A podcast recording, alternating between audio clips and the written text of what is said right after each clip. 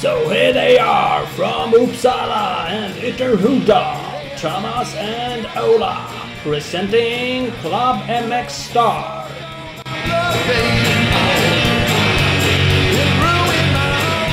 Bling boom! MX Star Podcast. Wow, wow, wow, wow! Avsnitt Mm. nummer åtta i år. Det 2021. är det, det är det. Härligt. Uh, presenteras ju av Husqvarna.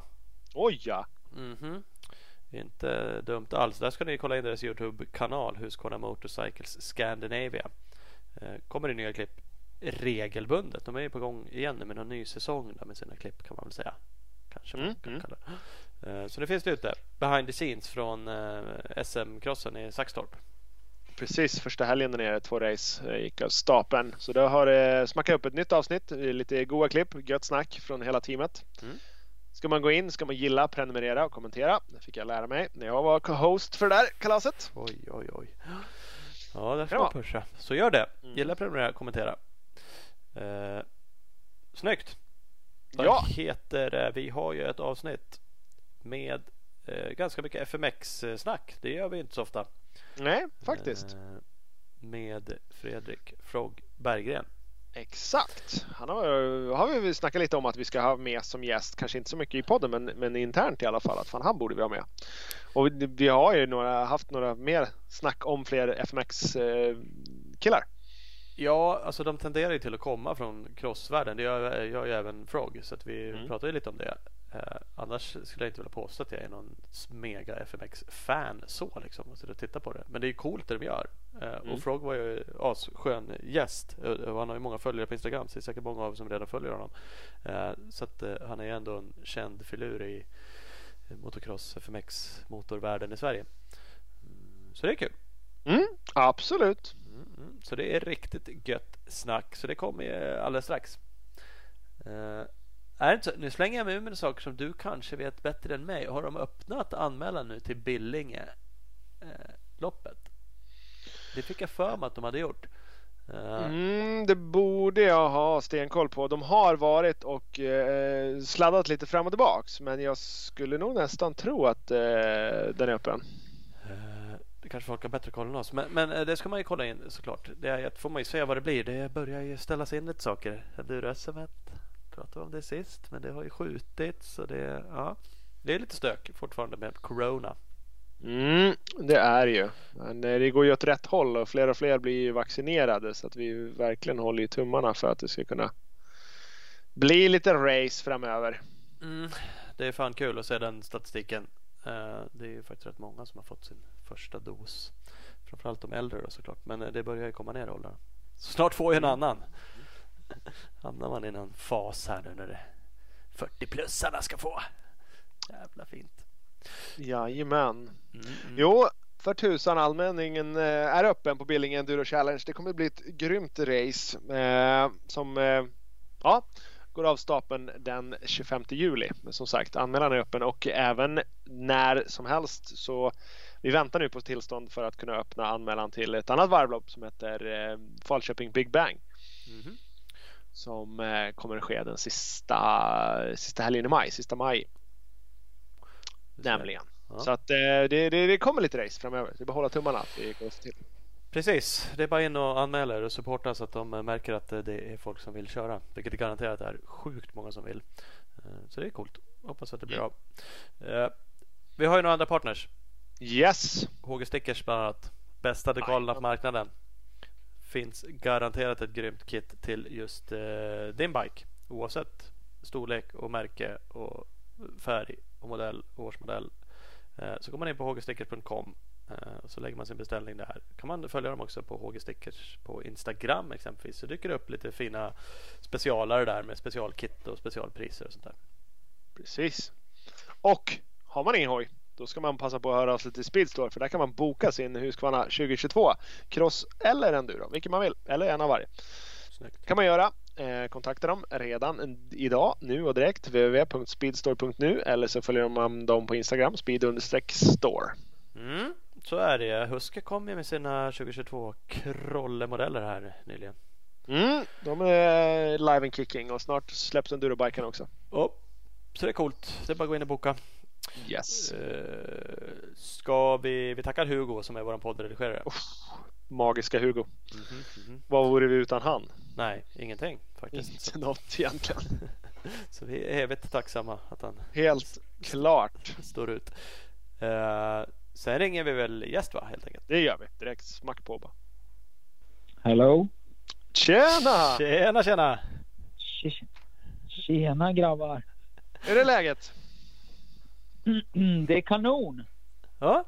Härligt, härligt. Jo men det är bra tycker vi. Det är fint. Det är under ja, kontroll bra. tycker jag. Ja, ja. Det är ju... Härligt. Vad är det nu är för kväll? Tisdag kväll, är det så? Den kväll det med. ja, precis. ja. Jajamän. Ja, det är bara fint. Hörru, vi ska kicka igång. Vi gör det jättesnabbt. Vi brukar köra snabbfrågor. Eh, ja. De, de kör vi direkt. Eh, fullständigt namn? Ja, Ove Fredrik Berggren. Mm. Jajamän.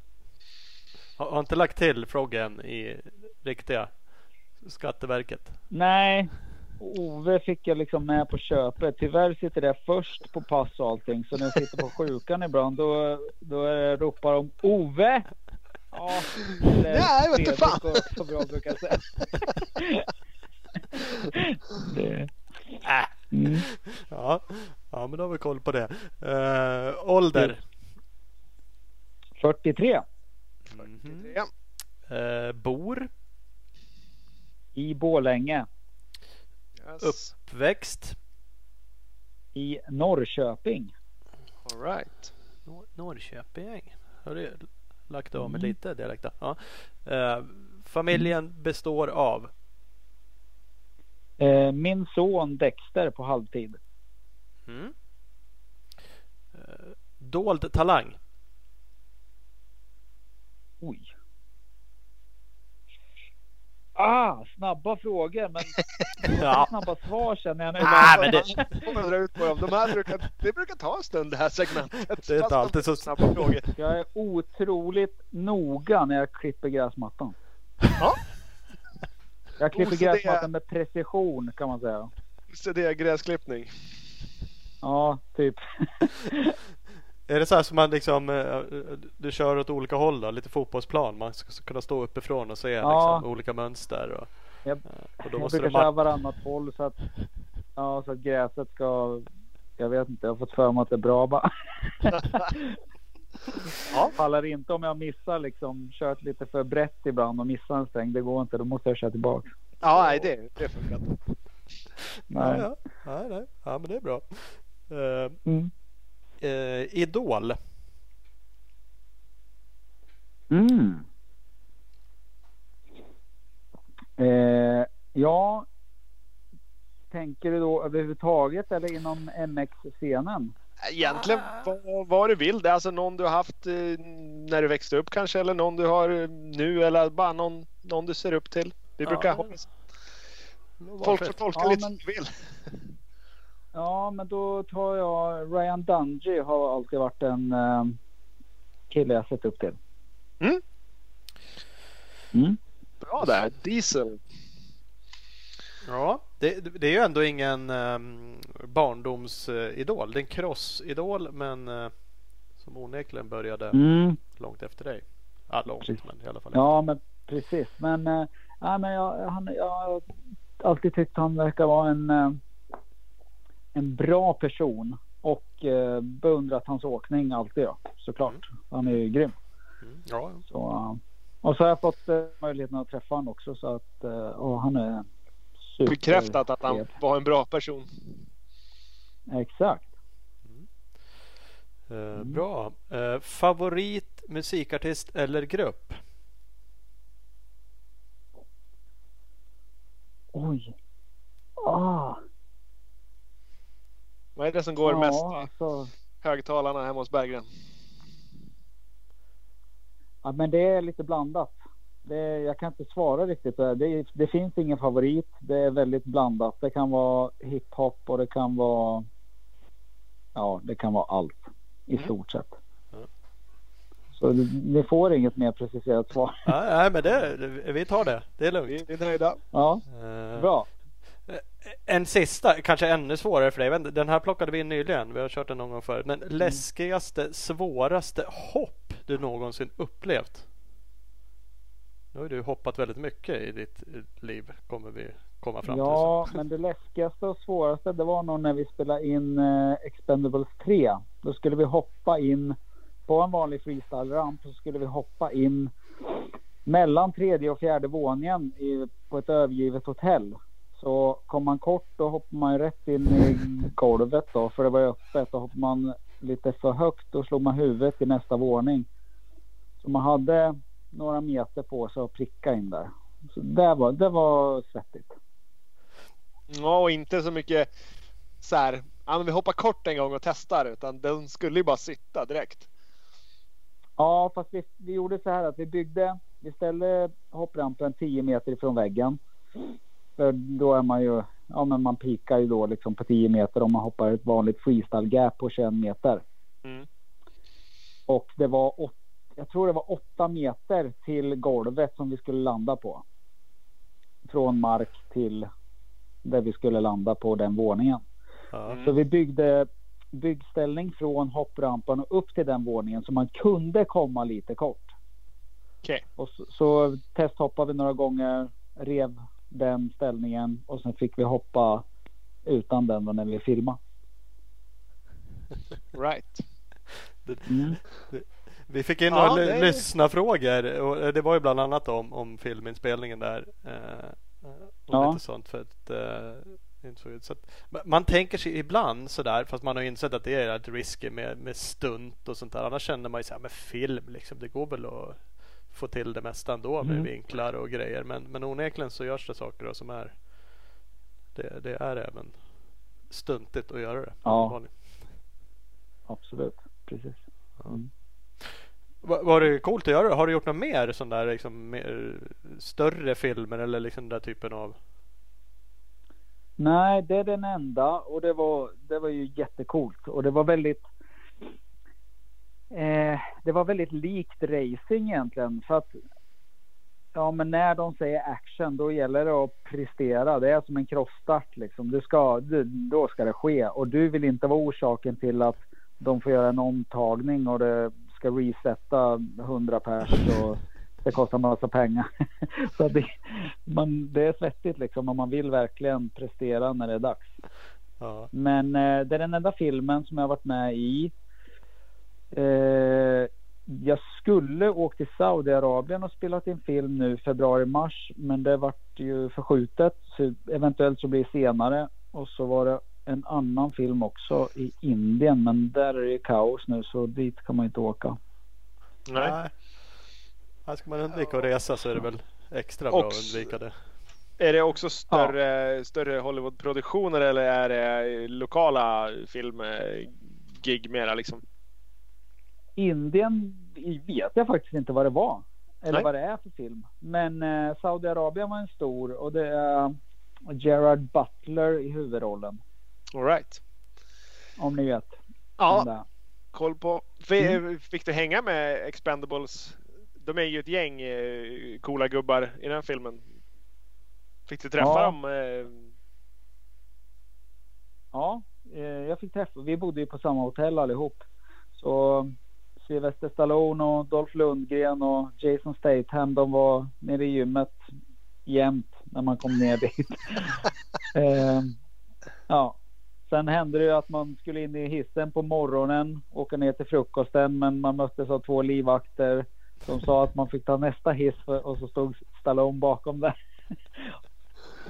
all right. Och Sitter då du fick- då fick vinka emellan då? Alltså, det är jag.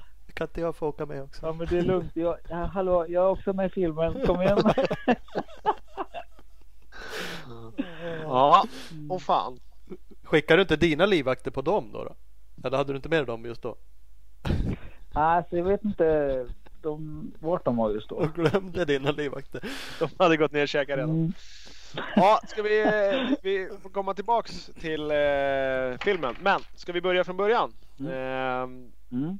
hur började MC-karriären? Du började inte hoppa freestyle? Nej, precis.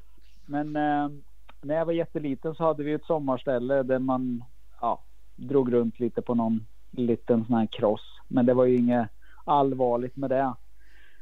Eh, men sen när jag var 13 år, 1990, så frågade min pappa om jag ville börja köra cross. Eh, så då skaffade vi en eh, 80 kubikare Suzuki.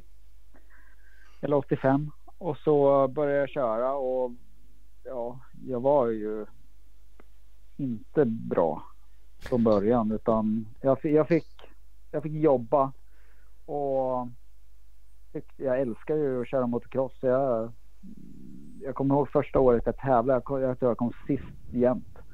Men eh, det spelar liksom ingen roll. Jag hade så kul när jag körde så att det, jag kämpade och kämpade och blev bättre. Så 1990 började, började jag köra cross. Och Ja. sen vart det ju, ja vad vart jag då? På R, riksmästerskapen i 80 kubik. Vad vart jag där? Jag vart sexa tror jag nere i Helsingborg. Typ 94 kanske. Och sen eh, gick jag upp på 125, 96 och vart tia som bäst i 125 SM totalt. Eh, och gjorde min sista racingsäsong 2001. Och sen däremellan så var jag i USA och tränade och tävlade på vintrarna. Eh, tre år i rad tror jag, tre månader varje gång. Du ser. det- Som eh, en del i liksom en, en satsning då eller var du där bara ändå för att det var fränt eller ha, vad hade du för ambitioner med det om vi säger så? Var det, var det världstopp som gällde eller? Nej, det, det var inte, alltså, det var ingen målmedveten satsning att nu ska jag dit. Men, men eh, jag, bara, jag älskar motocross. Mitt Mm. liv, allt var motocross och jag ville till USA. Ja, men man läste, läste, läste motocross action, alla de här tidningarna. Och ja, man ville ju dit liksom. Mm. Och det var ju kanon att åka dit och träna och tävla på vintern när det var kallt och fruset här hemma. Så kom man eh, hem till säsongen och var varm i kläderna. Det är ändå ganska tidigt att göra det. Det känns ju... Ja, allt är väl lättare idag att resa och det är lättare att få koll och det är lättare att bara gå ut på internet och boka sin resa Mm. och en hoj. Liksom, det, det var inte riktigt samma upplägg. Som sagt, du läste Motocross Action. Det Nej. var ju liksom något nummer som kom lite senare än, än det kom ut i USA tänkte jag säga. Och, eh, så det måste Ja, ha varit... precis. Var ni flera då från Sverige som drog över liksom som något gäng? Ja, jag var ju över på MX Heaven Mm. eh, med Stefan Elvin. Så att det var ju Espen Blixta och massa folk där. Så vi var ett gäng. Ja. Så, så jag, jag var där på MX Heaven två vintrar. Och så var jag i egen regi en gång också. Mm. Mm. Och det här var fortfarande innan du hade börjat liksom hoppa någonting alls? Det hade väl inte Ja. riktigt breakat eh, freestylen än då? Nej, det, det, det vart ju stort på slutet av 90-talet. i Mm. USA. Och eh, jag kommer ihåg anledningen till att jag gick över på freestyle. Det var för att vintern mellan 99 och 2000 så bröt jag båtbenet i USA. Och så racesäsongen 2001 så fick jag sån kramp i underarmen som jag hade brutit båtbenet i. Så jag, ja, men jag, det kändes inte lika kul för jag, jag fick bara kramp hela tiden. Så då byggde jag en ramp bara på skoj och började hoppa lite och sen gick jag aldrig tillbaks till racingen igen. Du, du hittar din grej? Ja, jag gjorde tydligen det. Och jag har alltid haft en förkärlek för att hoppa. Um, och det, jag kommer ihåg, jag, jag körde KM och så klubbmästerskap då i SMK Östgöta i Norrköping. Och så Fredrik Tomasson var en jätteduktig kille. Han körde six days och var superduktig på enduro. Eh, Fritte kallas han. Och han tog starten och han körde på enduro och jag tänkte alltså nej. Han- honom ska jag köra om. så jag, det, det är ett här bromsstopphopp på ett ställe. Ja. Och han bromsar ju, vilket man gör. Men jag bromsar inte. Jag tänkte, håller jag stumt där så kommer jag flyga om honom. Och det gjorde jag, men jag landade 25 meter längre bort och handleden gick av. För att det var sån eh, smäll. Jag hoppar gärna mer än både material och kropp tålde. Så jag var inte Ja. rädd för att hoppa liksom. Nej. inte om man gör sådär på ett KM. Då, då törs man. Nej, men det, det är ju då det, det, är ju då det är viktigt. Ja, Ja, men så är det. speciellt om det är någon jävla enduropåse som håller på att köra ifrån en. Det är ju inte okej. Ja, men kom igen. Faktiskt. Ja men det var så, men var det liksom kul att hoppa? Onekligen var det lite, lite vild sådär. Var det också, eh, försökte man liksom tricka lite då också? Vinkla i alla fall och grejer då. Det fanns liksom i dig det där. Ja, det, bör, det började 96 tror jag, när jag var på Nya Zeeland med Martin Tillsten och Espen Blixta. Så då började det nog att, eh, jag kommer ihåg att jag gjorde någon heelflicker i någon hage där. På något naturhopp. Och sen, eh, det föddes väl något där kanske. Men det var i samband med att det var större USA och det kom filmer och sådär. Ja. Mm. Jag läste någonstans, apropå det där, kan det bara, var det inte där någonstans eh, namnet Frog myntades också? Jo, precis. Det var på Nya Zeeland. Vi var på en crossbana och ja, alla skulle whippa in ett ho- platåhopp där och vi fotade.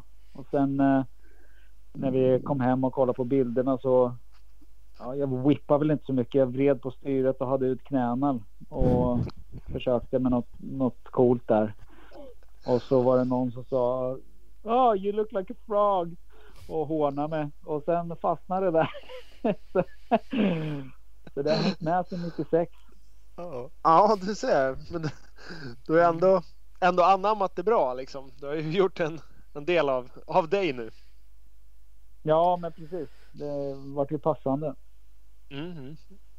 Mm. Ja, det är Eh, och det var ju typ samtidigt som uh, Fredde Johansson hette han då, Lindehall, uh, Fredde Flair började väl Exakt. också i den, den vevan där.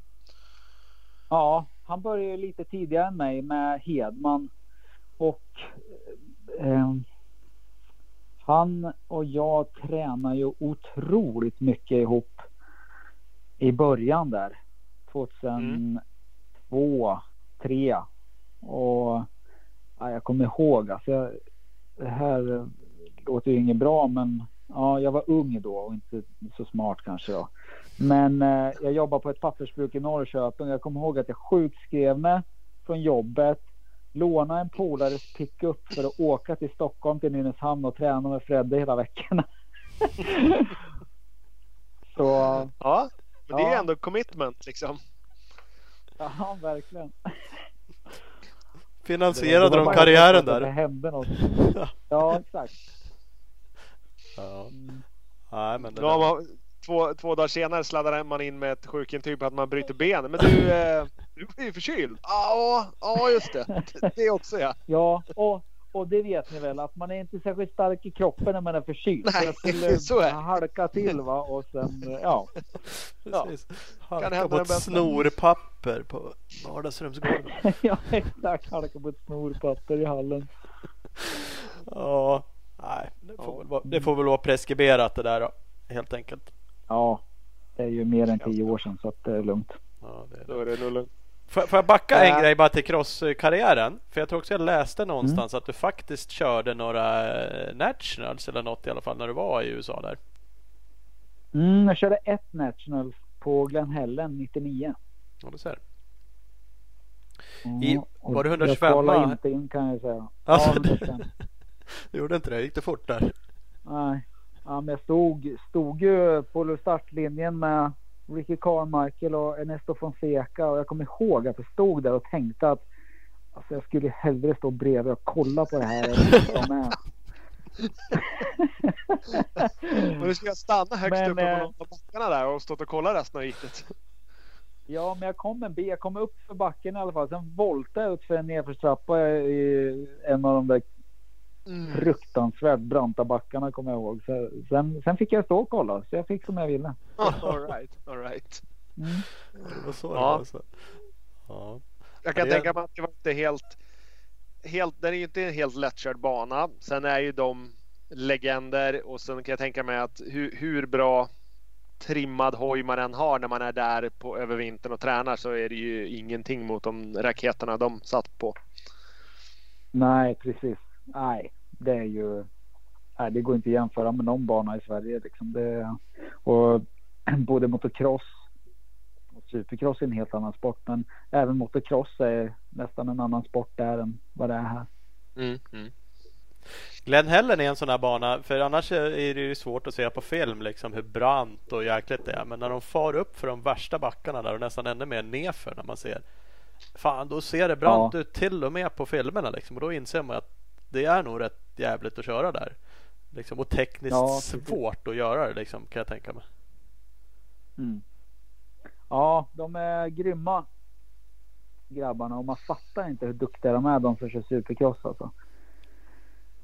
Jag skulle inte, jag skulle inte vilja åka på, på en av AMAs supercrossbanor. Att det, det, det är för svårt. Men, eh, har du kört någonting supercross eftersom du onekligen gillar att, att hoppa? Men, men det har aldrig varit några sådana typer av race? Ja. Eller. Jo, men eh, när, jag kör, när jag var i USA så körde jag väl någon liten sådär tävling, men eh, inte så jättemycket. Nej. Sen kommer jag ihåg att jag älskar ju speedcross-tävlingarna som gick här hemma då. Mm. De var lite kortare banor, lite mer hopp. Men det var ju ändå långt från supercross. Men Ja. det var ju lite inspirerat i alla fall. Och det var ju jättekul. Ja. Mm. Men sen 02 då när du böt, du har, du har inte kört något race sen dess i stort sett eller? Nej. Nej. 2001 var sista racesäsongen, körde SM. Sen har jag inte kört någon tävling sen dess. Alltså jag har ju kört någon tävling men ingen crosstävling så. Nej, nej precis. Nej, men en FMX-tävling. Men du har eh, aldrig liksom blivit sugen för jag vet att ni har gjort många shower vid just crosstävlingar, arena crosstävlingar, supercrosstävlingar kan jag tänka mig. Så att det är aldrig där så att du har Mm. gått och funderat på att man kanske efteranmäla sig lite. Nej, för jag, jag vet hur, alltså, jag vet hur snabba de är. Jag vet hur mycket träning det krävs. Alltså nej, jag har aldrig varit sugen på det. Nej, nej. Nej, det är ändå Ja. Bra självinsikt och, och inse det och inte stå bredvid Ja. och tycka att fan, det hade jag skjorta av. Nej, precis. Nej, steker av dem hur lätt som helst. Svårt kan det Nej, vara. det är snarare tvärtom. Ja. Ja. När, men när ni började där, vad var liksom målsättningen då? Såg man eh, filmer och tänkte det här är liksom coolt att göra film eller var det shower eller var det tävlingar liksom som var målsättningen med att dra igång en, en FMX? I början fanns det ingen målsättning. Det var bara för att det var kul. Och sen eh, ja, vart det att man fick köra shower och så fick man liksom lite betalt. Vilket var helt sjukt. För hela livet har man raceat på väldigt hög nivå och fått betala hela tiden. Här latchar man runt och gör något trick och så ska man få betalt. Det var ju väldigt ovant och surrealistiskt. Och det är klart att det var en morot också. Wow, här kan jag köra hoj och göra det jag tycker är kul och det jag älskar. Och så får jag betalt också för det. Mm. Det var ju helt magiskt. Och sen fortsatte det och ju bättre man blev och ju större sporten blev ju mer betalt fick man och ja, sen rullade det på. Vem drog igång det där med betalning? Var det ni som förare? Det känns det ju inte riktigt. Så kom ni från crossen så hade ni ju säkert inga tankar alls på att det ens gick att ta betalt. Vart det ändå? Är det Nej. show och så liksom var det någon, ja, någon arena eller arrangör eller vad det nu var ni körde till att börja med som tyckte att men det är klart ni är värd en 500 var här. Och så vart det liksom så. Nej, men det var väl eftersom det är. Det är ju ett, ett uppträdande. Det är en show. Det är, det är ingen tävling. Sen var det ju tävlingar också. Det var ju världscupstävlingar och Fredde körde ju otroligt mycket världscup och jag körde också några år där. Men han var ju ganska långt före mig och började tävla. Så det var ju prispengar och eh, ja, men eh, egentligen det där med att man fick betalt, det handlar väl mer om att det var mer eventaktivitet i början och jag menar man ska ta sig dit och köra en uppvisning. Så att det, var, det vart något annat än tävling så att det var. Ja, det var inget konstigt egentligen så. Nej, alltså det, det är ju på ett sätt intressant. Det, det är ju jäkligt kul att ni att det är så och att det känns som det har fortsatt vara så. Att kör ni shower idag ni som mm. gör och det dyker ändå upp lite nya personer. Du har hållit i det och ja, Fred gör det på ett lite annat sätt nu. Speaker-grejer. Alltså det, det, finns i er då att det, det, är ett jobb, det är någonting ni gör, ni tar betalt. Vilket är mm. fortfarande liksom motsatsen att köra cross. Alltså det är ju på många sätt också en show. Det är mycket risker, ja. det är ändå publik. Alltså det, det finns massa aspekter i det där man kan tycka att fan de borde också ha betalt på SM-nivå liksom. Ja. Och, och, det Absolut. har man ju på liksom stora VM och allting. Och SM är inte större än vad det är så det kanske beror på det. Men, men det är också att man, man har inte liksom lyckats ta betalt där. Där är det naturliga liksom att betala en 500 för att få köra. Och sen får du ha dina egna sponsorer mm. om du mm. vill. Eller bara ta uh, farsans lön liksom. Och, och, ni har kommit längre ja. som sagt. Eller längre men ja. Ja fast sen handlar det väl också om jag menar, har du tusen människor som kan göra samma sak. Ja, då är det svårt att. Alltså, och har du två pers som kan göra en sak. Ja, men då kan ju de två ta mer betalt än vad de där tusen kan som kan samma sak. Ja. Så att det är ju. Efterfrågan. Det är ju inte så många som håller på. Precis, det är inte så många som håller på med freestyle på en, en högre nivå i Sverige så att men och riskerna är stora. Men det är de i cross med. Men det är jättemånga fler som kör cross. Och jag menar som arrangör så kan ju inte en, en klubb som arrangerar en tävling kan ju inte betala 10 000 till Filip Bengtsson för att han ska dyka upp och steka av dem liksom. För att han är lite bättre. Ja. Nu har han slutat men ja. Ja. Eh, ja, nej, jag förstår vad du menar. Förstår du menar. Helt klart. Ja. Mm. mm, ja, men hur eh, just hur, hur, många var ni när ni liksom? Nu får jag ju säga för att du har ju Prippa började innan dig. Eh, det var väl egentligen Prippa och Mikko kanske som var först ut och sen var det väl du och Fredde och någon till. Eh, men du är ju den enda som verkligen ja. fortfarande rullar på med det. Hur många upplever att ni har varit som, som mest? När var FMX-scenen så störst i Sverige? FMX var nog störst i Sverige. Det var i, ganska i början där, 2003, 2004 kanske. Ja, Då känns det som att det var många som höll på. Loggan och Rättö, det var ju ett gäng. Ja, men det var rätt många då, ja. Men sen, eh, för sen ja, har det ju tonat ut. Ja. Och jag kommer ihåg Fredde körde sina clinics på Uringe där och det var ju mycket folk och sen körde jag och Loggan lite träningsläger uppe i Junsele och då var det också mycket folk. Right. Eh, men det var också mycket racare som kom som tyckte att det var kul att hoppa bara lite och ville träna och köra lite. Okay. Men eh, ja, det var nog i början där det var som störst. Mm. Mm. Eller början, början för mig 2003, 2004 där. Ja. Precis. Men, men när gick det? För det, det kändes som det gick över då till att vara ännu mer shower för dig. Men du sa att du var ute och körde lite på eh, tävling och världscup och. Mm. Exakt. Det var. Jag kommer inte ihåg vilket, vilket år. Men jag tror jag började tävla 2003 och det var ju Edge Games och de här grejerna i Norrtälje som Brunsbröderna arrangerade. Mm. som, som var riktigt. Det var ju jättestort. Det var ju internationella förare och Ailo Gaup var där och eh, ja, det kom från flera länder. Finland och eh, Polen höll jag på att säga, men ja, de där länderna där borta. Så det var. Det var mycket folk och det var stort och det var ju. Det var ju mycket prispengar också på på den tiden. Jag kommer ihåg att det var 30 000 till första platsen så att det, det, det är riktigt bra. Ja, det är det. Men jag körde ju världscup då. Det var det då. Var det 2004, 5, 6, 7, 8 kanske? Mm. Ja, det var så pass ja. mycket alltså. Du, hur? Eh, jag vet, jag läste någonstans 17 brutna ben, men hur har du liksom klarat dig från skador så där? Har det, har det gått okej okay ändå 17 brutna ben är man skojar bort, men man kan bryta rätt många samtidigt om man bestämmer sig för det. Så att... Ja, precis.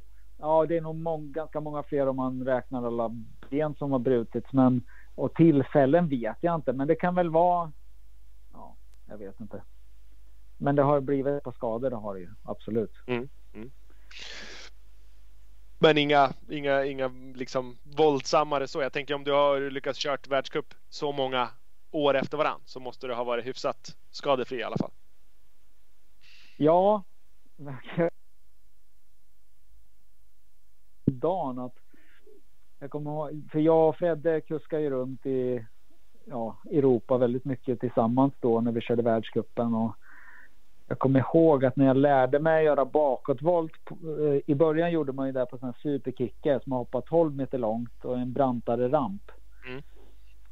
Och jag kommer ihåg att jag gjorde den där volten och jag, jag kraschade typ var och varannan helg på den där och var helt sönderslagen i ansiktet och hade näsblod. Men jag vet inte varför, men jag fick upp det i, i som minnesbild här i, häromdagen. Och jag okay. garvade för att ja, det, var, det var katastrof. Liksom. Jag hade ingen koll. Men man satsar ju liksom. Det var bara att satsa. Det var bara att hålla i och blunda. Mm. Mm. Men eh, mm. ja, jag, jag, jag pratade lite med Fredrik eh, inför det här avsnittet. Bara, bara för att ja, ja. pejla läget lite. Han, han sa det liksom. Det var ja, men en, en jävla grind innan grejerna verkligen satt. Det, det var mycket hårt jobb. Det var inte bara åka ut och, ja. och, hoppa lite med polarna till slut. Utan när ni väl började satsa på det och skulle göra shower och tävlingar och sådär. Då, då, det var mycket hårt jobb bakom det. Absolut. Och jag menar innan jag gjorde första bakåtvolten på jord. Jag, jag åkte ner till Belgien och hoppade nio gånger i en foam pit. Sen åkte jag hem. Körde väl inte på någon månad eller två och sen skulle jag åka ut och göra de här kort bakåtvolterna då på, på jord. Mm. Och jag kommer ihåg att jag åkte ner framför rampen och så stod jag där en halvtimme och bara mådde illa. Alltså jag, jag var psykiskt trasig och bara satt på hojen och tittade på rampen och, och sen tänkte jag att nej, det är inte värt det. Jag, jag lägger ner. Så jag åkte upp till bilen, parkera, tänkte åka hem och så bara nej, men vad, jag, jag måste ju göra det jag har liksom åkt ner till Belgien och åkt hem igen. Jag kan nej, jag bara måste göra det. Jag åkte ner och så bara okej, okay, jag bara kör. Så får det gå som det går och så gick det faktiskt bra första gången jag gjorde det på jord. Så, men eh, det är mycket mentalt, mycket ja, jobbiga stunder har man haft. Mm.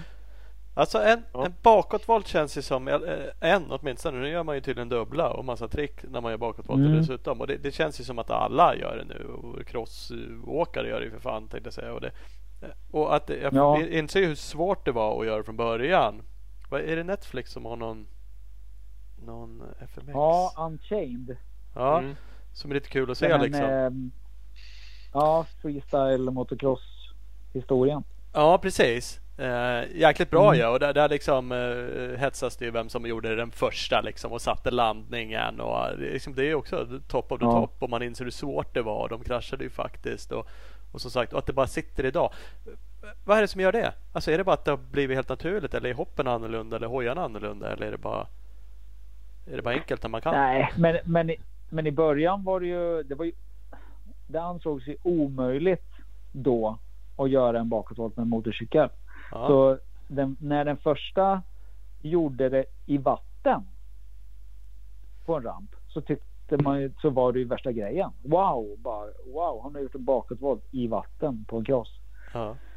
Och sen, eh, men i början, det är klart, alltså det fanns ju inga ramper för det. Eller, och man trodde inte att det var möjligt så att man byggde ju i jordhoppen i, på baksidan av landningarna gjorde man en jättespetsig Carey Hart gjorde det där på Gravity Games, var det 2000? Eller 2000?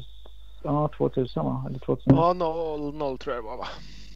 Ja, första gången och var revolutionerande. Men sen har det ju utvecklats såklart att man har byggt bättre ramper anpassade och nu gör man det på vanliga ramper som man hoppar van, alltså 21 meter och gör vanliga trick i.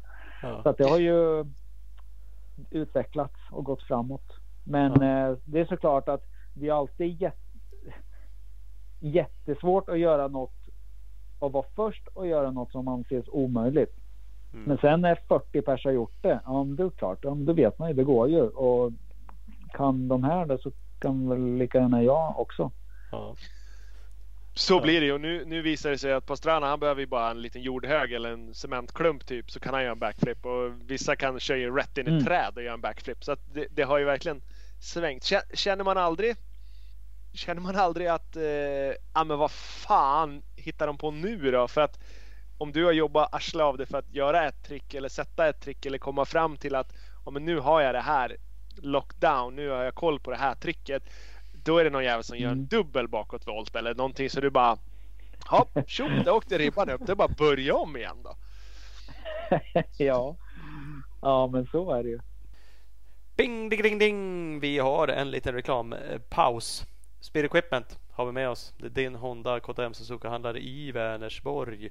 Eh, var du än söker till en hoj så kan de helt enkelt eh, hjälpa dig. Så att, eh, kolla in speedequipment.se eh, och så följer ni dem på sociala medier på Speed Equipment. direkt. CC Motorcycles, Tibro och Kållered. De är två fullmatade butiker. Just nu så kör de en sån megakampanj på 2020 Sucka 250 och 450. Bättre deal än typ ett fempack strumpor på Ullared. Det är nästan samma pris också. Det är magiskt billigt. Endast 67 900 för en spritt ny 2020 Suzuki. Finns i bägge butikerna. Bara stick och köpa på en gång. Instagram och Facebook. Där kan man följa CC Motorcycles. Mm. Fan, Succan känns ju ibland så här utdaterad men jag tycker också de är fan rätt coola. Och det, är, De är ju skitraciga. det är ett jävligt bra pris. Mm. Sprillans bike. Ja, ska man kolla in. CC Motorcycles. Eh, vi har också med oss Scott. Eh, letar du nya skydd till säsongen och tävlingarna drar igång här förhoppningsvis. Eh, då måste man ju kolla in och framförallt prova eh, Scotts Airflex Pro 2. För provar man dem så kommer man helt enkelt inse hur mjuka, följsamma och ventilerade och svin-nice de är. Eh, så då slår man ju helt enkelt till också. Jag ska iväg och cykla lite mountainbike om en helg. Faktum är att de här mjuka skydden är rätt så trevliga även när man cyklar om man nu vill skydda sig lite grann. Då. Eh, kolla skottsports.com eh, och så följer ni också på Skottsports eh, Sverige. Nu kör vi vidare. med Såklart. Yes. Det, det det måste vara ju- lite tröstlöst ibland på ett sätt. För på ett sätt så är det ju samtidigt för fan så jävla coolt. För det vet jag att ni som är i det tycker ännu mer än vi som står utanför just den scenen kanske. Att bara framåtvolt var ju helt omöjligt också sjukt länge tills Mm. de bara började sätta sådana också. Exakt. Men, men någonstans måste det ju vara så här att oh nej, nu måste vi börja med det där också. Ja, Eller- men så var eller det ju känner i... man så? Ja, när man körde världscupen känner man ju så. Man missunnar ju inte, alltså de som körde grymt och gjorde saker ingen annan gjorde. Det tyckte man var alltså jättebra och coolt och man var glad för deras skull. Men samtidigt betydde det ju att aha, nu måste jag hem och träna på de här grejerna som är helt livsfarligt för att vara competitive och placera, ge, ja, leverera placeringar. Mm. Så att det var ju lite dubbelt och det var ju mycket därför jag backade av och slutade också för att nej men jag ville inte utsätta mig för de grejerna längre och mycket han, ja när jag fick eh, min son så eh, bidrog det också mycket till att jag vill inte lägga den tiden som det krävs och jag vill inte utsätta mig för, för det lika Nej. mycket längre. blev det Alltså jag kan, tänka mig att det måste ha blivit så lite så här rivalitet också när ni ändå tävlade i det. Och man, för jag vet att norrmännen, där var det ju, de var ju riktigt osams ibland och jag hörde någon så här nere i Europa så typ var det olika gäng som eldade upp foam pits för varann och det var ju på sjukt våldsam nivå där ett tag för att ja, men man hejtade på varann för att man ville inte visa någon att man hade ett nytt trick på gång. Blev det någon Ja. sån rivalitet i Sverige också? Eh, ja, vad ska jag säga? Både ja och nej.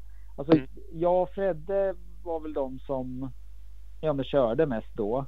Ja. Och vi hade, vi hade aldrig någon rivalitet så vad jag upplevde såklart. Han ville vinna och jag ville vinna. Men Mm. Mm. vi var ju alltid, vi tränade ju mycket ihop men sen höll ju han på med grejer som jag inte hade koll på.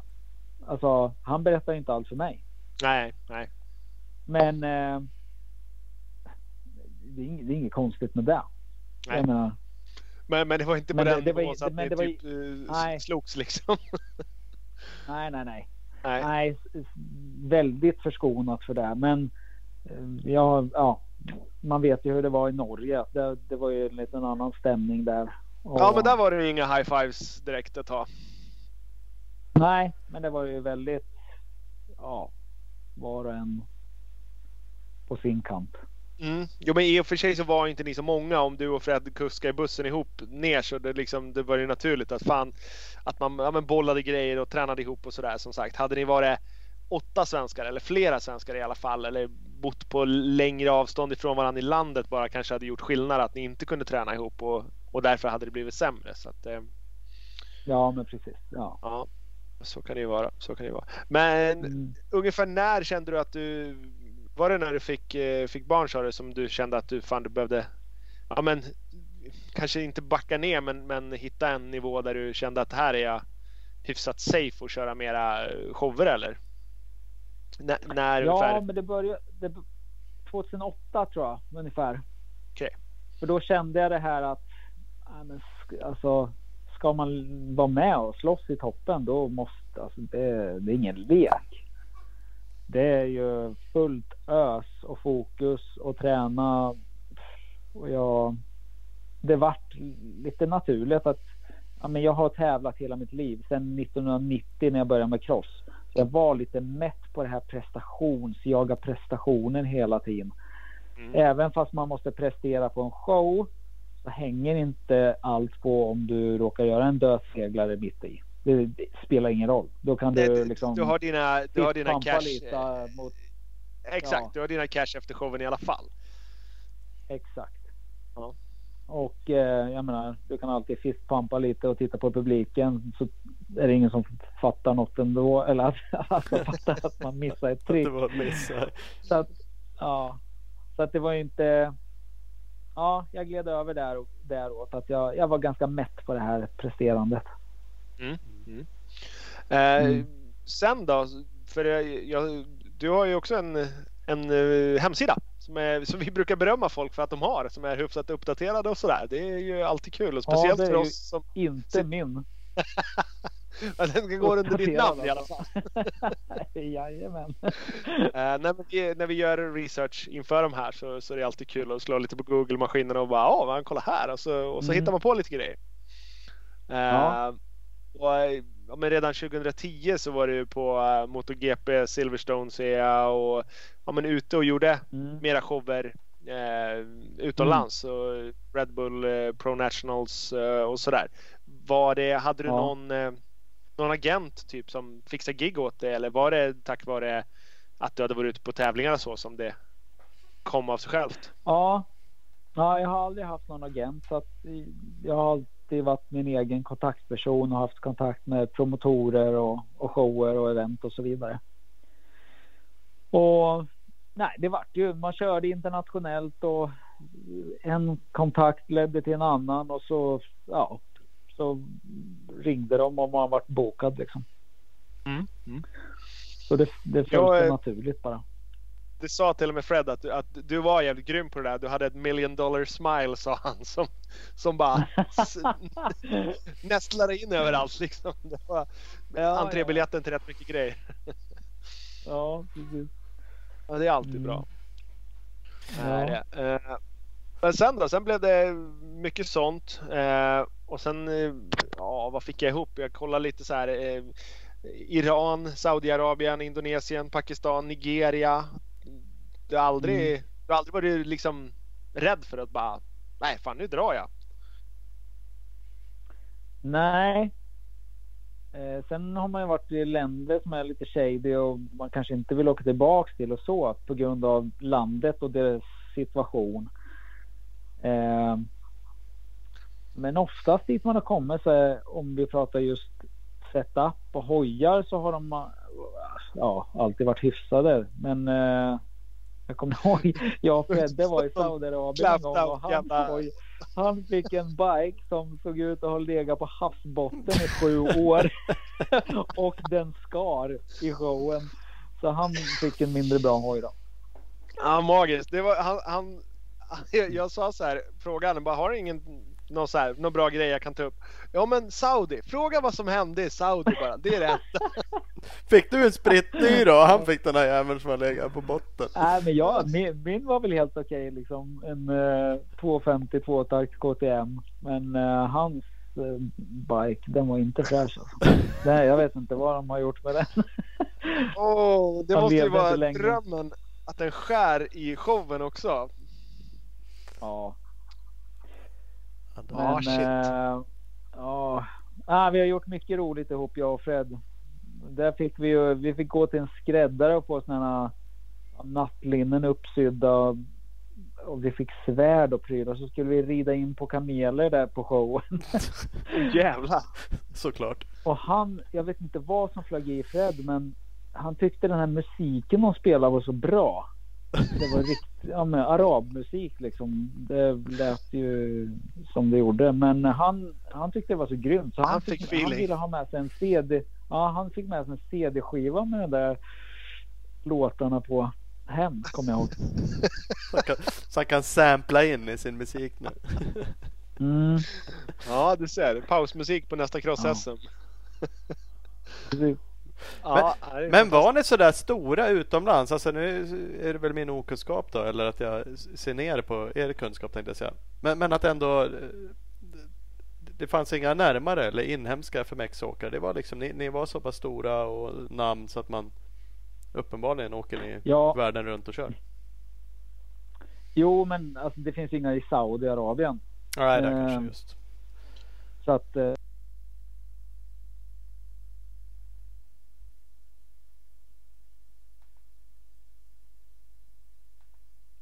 försvann någonting nu. Ja. Det verkar som det blev tyst. Typiskt. Men försvann alla? Nej. är det något med inspelningsprylar? Nu. eller? Nej men Nu nu är du det med. Vi, Ah. hörde, vi hörde inte dig där ett tag. Eh, Nej, okej. Mm. P- eh, Prova igen från, eh, det finns inga i Saudi sa du. Ja, det finns ju inga förare i Saudiarabien. Nej. Så- Det, det kan man ju så, kanske... förstå. Ja, och sen var det ju Red Bull show och Fredde var ju sponsrad av Red Bull och jag var en vän av Red Bull. Ehm, så um, ja, men det var mycket och de vill ju ha internationella förare ofta. Så att det Mm. låter lite coolare på affischerna. Ja. Mm. Men, men liksom som eh, Pakistan, vad, hur, hur ser ett gig ut i Pakistan? Vad, vad betalar ens ett gig i Pakistan? Och fick man alltid pröjs när man var ute sådär? Blev ni stiffade någon gång? Ja, det har man väl blivit, men in, det beror på vad det är för grejer. Det finns ju människor som har arrangerat någon show och ser snabba enkla pengar och de bara gör någon grej, ska betala på plats och så bara oh, sorry, not so much people, pay you later. Och så är man ju snäll och säger ja, ja, det är lugnt, såklart, det går bra. Och så fick man aldrig pengarna. Men eh, Saudi och de här grejerna, det, jag menar, det, är, ju- det är större arrangörer så att det är ju inga, det är inte Leffe som ser sin chans att tjäna 100 lakan och så drar till Bahamas efter showen och struntar i att betala. Det är ju liksom stora organisationer. Jo, så Så är att, alltså eh, det- egentligen. Det, det där är lite fördomsfullt. Egentligen så känns det som att det är större risk att bli stiffad på Insjödan i, eh, utanför Leksand. Där med, Mm. med 750 pers en regnig dag i publiken än kanske Iran och Saudi och Indonesien där det tekniskt sett skulle kunna vara 100 000 i publiken. Ja, fast eh, ja, Insjödan, det är ju Clas Olsson så det är ingen risk. Jo, jo, nej, det- det var ju- Men, Den var ju Ja. uppstyrd och bra. Det- Jag har varit på den flera gånger så jag vet Ja. att det var bra gig det med. Men jag drog ett exempel bara för en, egentligen Ja. ett mindre event. men det är ju så här. Ja, men det finns ju de som har bitit sig själv i fingrarna liksom. Om man arrangerar en show och litar på att alla utgifter ska täckas av biljettintäkter. Då gör man ju bort sig. För att du har ju ingen aning om. Det kanske inte kommer så många. Nej, men då står du där. Så att eh, ja, det, det är en farlig, kan, kan vara farligt att göra så. Mm. Mm. Vad är det största giget du har gjort, alltså mest, mest eh, publik? Har du koll på det? Eh, du, jag tror att det är cross-VM i Uddevalla. 24-25 000 pers. Ja. Ja, Det är ballt. Det tror jag är största. Mm. Mm. på hemmaplan. Mm. Ja men där kan det ju vara lite folk onekligen vissa år. Apropå det kan vi Ja, hoppas att det blir det. Nu är det ju speciella år nu, Corona-år, men de ska ju köra. Ja, det- precis. Men det var några år sedan ni var där och hoppade va? Var det någon överhuvudtaget? Att det var någon sån show just där? Ja, jag vet inte om det här stämmer, men jag tror att det var 2017 som vi senast körde på Uddevalla GP. Ja, det är i och för sig inte, inte superlänge sedan. Men, eh, Nej. Jag tänkte på ap- apropå eh, hopp och liksom backflip och sånt där som man eh, utan att jag varken vill eller kan så känns det som att ah, ja, det är ett basic hopp för de flesta som håller på med Mm. det här. Eh, vad är liksom det, det svåraste man kan göra om man bortser kanske från då dubbla framåtvolter eller bakåt, alltså något tekniskt svårt liksom. Oj. Ja, alltså det finns ju så många trick idag som man bara kunde göra på tv-spel förut. Men eh, alltså skruvar och volter och inverterade konstiga saker som jag inte ens vet namnen på. Men Pagés är ju en riktig pionjär inom ny, nytt tricktänkande. Mm, ja, han Eh. hittar på mycket, mycket Mm. cirkuskonster. Ja. Jag kommer ihåg, eh, de körde ju var det X-Fighters eller mm, ja i Sydafrika och run med ja, det var väl 90 procent var trick som ingen annan gör. Så att, Ja. ja. ja, han är, han är ju en riktig legend. Alltså.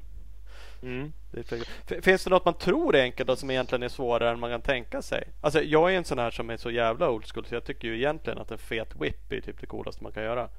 Eh. Varför bryts det? Jag vet inte. Kanske bara är för oss. Nu försvann du igen ifall du hör oss. Verkar onödigt. Är du tillbaks? Vänta. Nu. Ja, jag, är- jag är här. Hör du? Hör du oss Ja, hela tiden eller? Ja, jag hör er hela tiden. Ja, All right. du, du, det, för... det klipper, du försvinner ibland. Men vänta, jag ska testa. att- Hörs det bättre nu? Ja, Du hör, ja, men det, det är som att du helt försvann några gånger. Det har ju varit bra överlag liksom. Men Det har alltid hörts Ja, ja. bra, men, men det är, ett par gånger så har det bara tvärklippt. Ungefär som att samtal har kopplats ner. Men eh, Aha, du, okej. du har ju hört oss bevisligen. Så att... Ja, nej, men Ja. Vi, vi, vi rullar vidare. eh, det jag sa, jag hörde inte vad du svarade där, men alltså jag, jag är så jävla old school så jag tycker ju liksom att en fet whip är ju typ det eh, coolaste som finns. Det är mycket coolare tycker jag egentligen än snurrar och inverterade grejer. Och jag, jag förstår att det inte är det Ja. svåraste och ni kanske har ledsnat på det. Men eh, Finns det något sånt där liknande sånt trick som ändå är mycket svårare än man kan tro? Nu gör ju ni i och för sig whippar nu för tiden där ni är upp och ner och bak och fram. Fram och bak. Och helst samtidigt. Ja, precis. Nej, jag vet inte. Det där är nog lite olika eh, beroende på vem du frågar. För att eh, vissa människor har otroligt lätt för trick där du kliver igenom styret framför barpaden och vissa kan inte alls det. Och en del gör tsunamis i, sömn, i sömnen och en del har jättesvårt för det. Så det, det är så olika Mm. man har fallenhet för vissa saker och andra får man jobba hårdare för. Mm. Har Men du, jag håller med. En fet whip är ju fortfarande ja, supercoolt och riktigt. Man blir aldrig trött på en fet whip. Nej, man blir faktiskt aldrig det. det är liksom Nej men det är ju fan, det finns ju en anledning till att de har bäst whip tävlingar. De har inte bäst backflip tävling utan de har ju verkligen bäst whip och det är för att ja, det är Ja. ju det är, inte bara vi tre som tycker att det är jävligt ballt. Nej, Så det. Det är också men- lite old school. Liksom. känns som det började där på något sätt och det, det funkar fortfarande. Ja, absolut. Ja. vad är det du tycker är det svåraste tricket av de du har i din eh, ryggsäck liksom som du det du måste säga okej okay, fokusera mest på när du ska göra? Har du något sånt som du som kommer upp? Ja, men det, alltså, av det jag gör så tror jag fortfarande att få till en fet whip som man själv är nöjd med mm. är det som krävs mest utav mig själv. Ja. Mm. Och det känns också som det är kanske det som ja, men det är mest vari alltså det kan variera mest från ett hopp till nästa. Ja.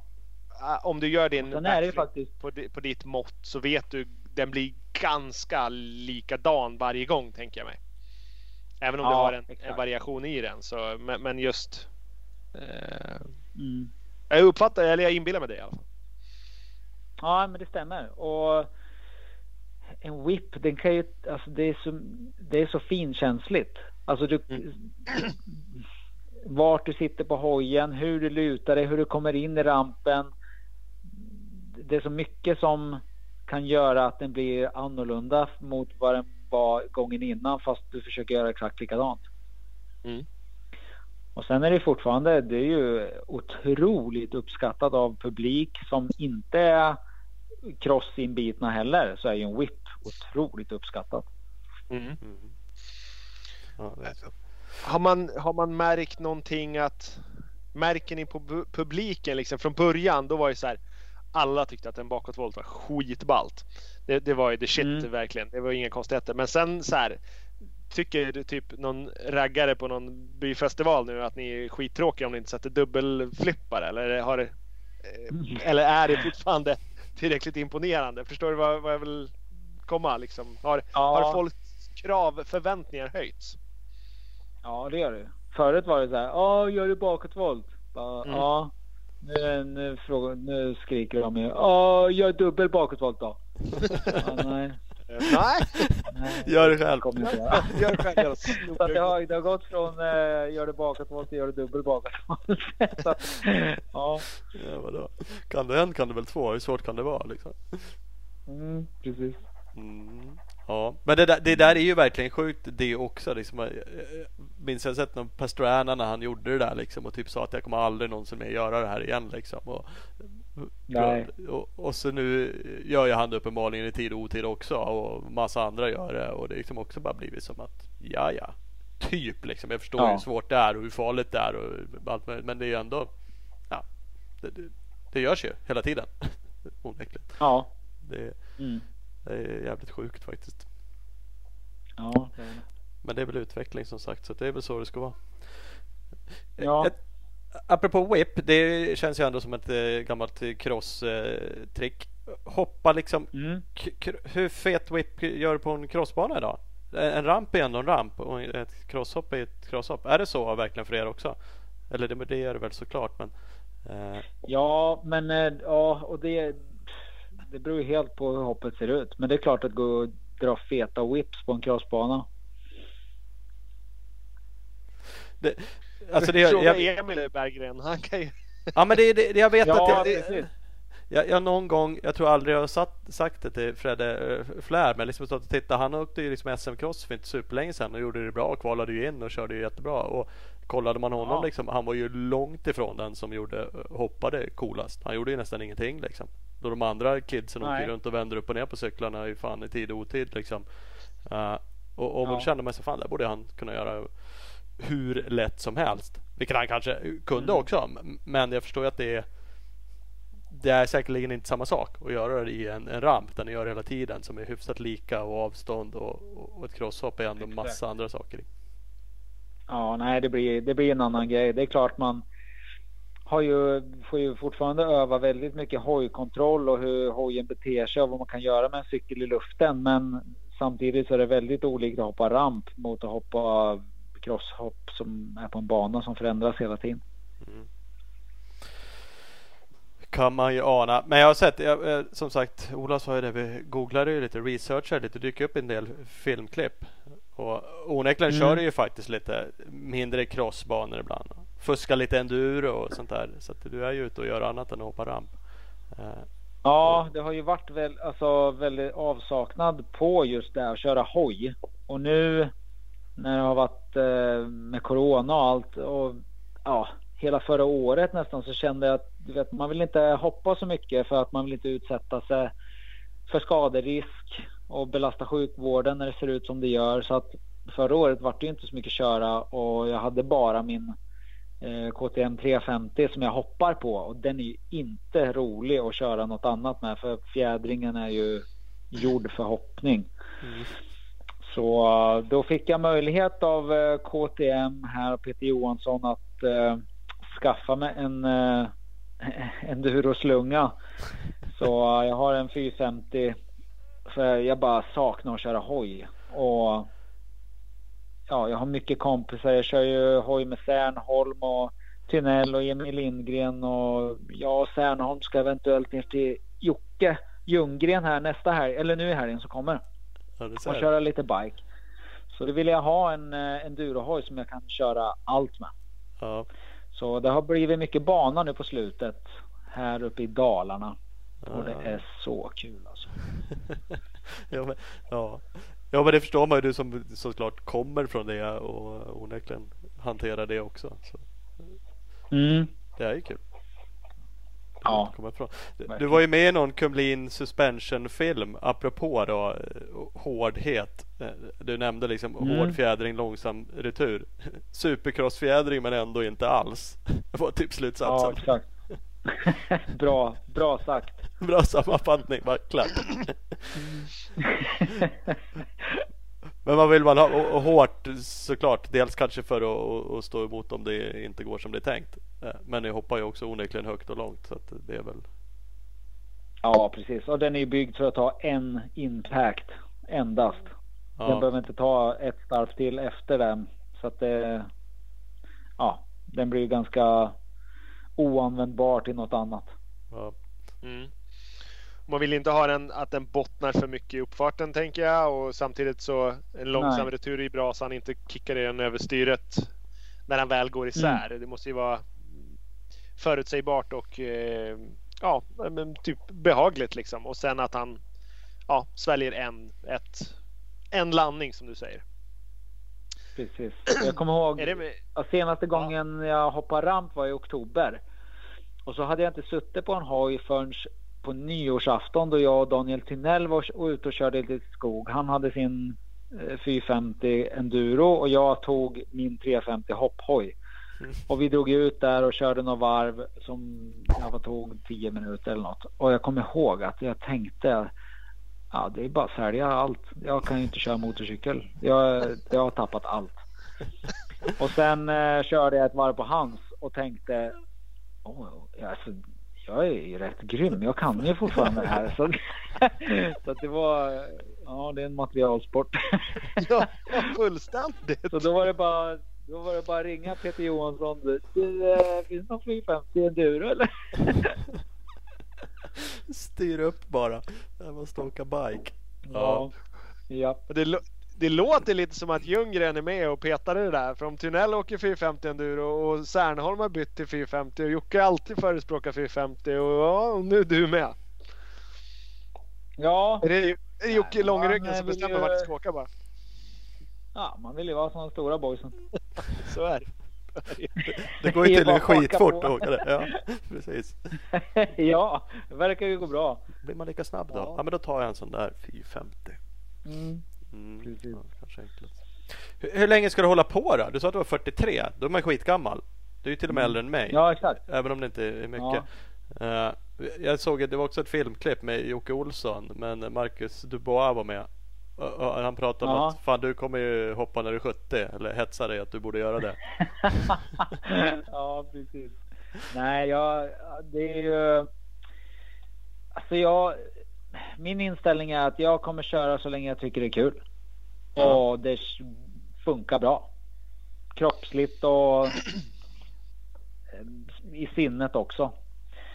För om det, om det är så att man börjar bli rädd och ja, men då blir det inte roligt längre och eh, så länge det är kul så kör jag. Mm. mm. Sen måste det ju vara, det måste ju vara en liten fördel i det avseendet att för nu åker, kör väl en del shower med Marcus och, eh, och sådär och tänker Mm. att vad är han? Han är väl typ knappt 15? Nej men han, han är han är inte Ja, skitgammal. men ty, alltså. när man pratar med honom så kan man ju tro att han är 12. Men jag tror han är 20. Nej, vad, eh, vad, är han? han? Är han 24, 25?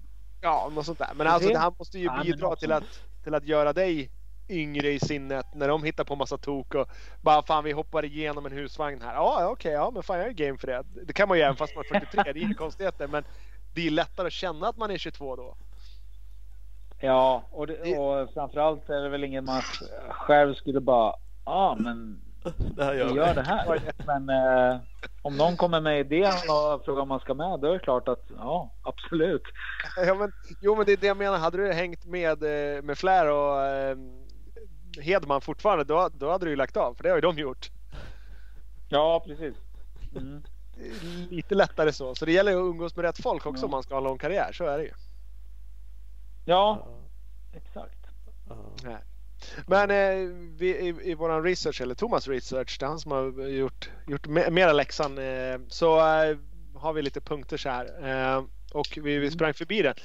Börjar kids med FMX idag? Liksom, I samma utsträckning? Eller det känns som att nu är ni inte så jävla många som faktiskt håller på. Det är du och så Dubois och så är det Loose Cannon Bodin som dyker upp ibland och så är det någon eller några till. Men det är inte så jäkla många fler. Eller är jag som är okunnig? Nej, men det, vi har ju eh, några grabbar nere i Bollebygd där. Eh, Johan Hellberg och Viktor Kjell och sen har du ju eh, Viktor Markusson Mm. som är jätteduktig. Så det finns några stycken. Kanske jag var det taskig, inte satte dig på pottan och tvung- tvungen att droppa alla. Du skulle ha koll. Nej, nej, nej. Men det, det är inte så många. Det Nej. är typ dem. Och sen eh, har vi en kille här uppe som heter Linus Jakobs. Men han har varit skadad mycket. Och han, men han hade kommit igång lite och kört nu. Men han eh, bröt två kotor i ryggen här för några dagar sedan. Och bröstbenet. Så han eh, skadar igen här nu. All right. Men han fick upp peppet och ville börja på igen. Mm. Mm. Men eh, nej, men så det är inte, det är inte många. Nej. Det är ingen plantskola, det är inte folk som står på kö och börjar med eh, FMX eh, så. Men tycker du att fler borde börja? Eller, eller bryr du dig om det? Vill du att eh, det ska finnas en FMX-scen i Sverige på det sättet? Absolut. Ja, och det finns ju några nya. Ja, men det finns lite folk som håller på. Eh, samtidigt om man vill börja och aldrig har hållit på förut så finns det ju inte. Du har ju ingen klubb att åka till. Antingen får man ju fixa till egen energi eller åka till någon som har en setup och hopp och landning. Mm. Så jag skulle gärna se att det växer. Och jag funderar faktiskt på att dra igång och köra lite camps här uppe i sommar. För att eh, jag tror att det kan finnas folk som vill testa på och även folk som håller på och vill lära sig lite mer och få lite coaching och ett bra ställe att vara på. Så att jag har lite funderingar på om man skulle dra igång någonting faktiskt. Mm. Ja. För, du, för du har någon eget eh, litet compound eller med lite ramper och eh, landningar? Och... Ja, jag har, ju- jag har ju ett ställe här uppe som det är väl mest jag och Jonte Karlsson, Lill-Jonte, han som är med Dubois och grabbarna där. Ja, just det. Och, och han kör ju också freestyle och är, han har ju otrolig hojkontroll och är jätteduktig. Så han kommer nog bli eh, riktigt bra. Eh, men eh, han bor ju, ja vad kan han ha till den där gruppen som vi har hopp och landning i? Kan han ha ja, 700 meter och jag har 9 kilometer dit så att det är nära och bra. Ja. Så där tränar vi då. Så det är ett jättebra ställe och Hallafors har ju varit här och hoppat lite och Mm. kommer upp och slänger runt Huskvarnan ibland. Mm. Men, är det, är det, men det är inte där.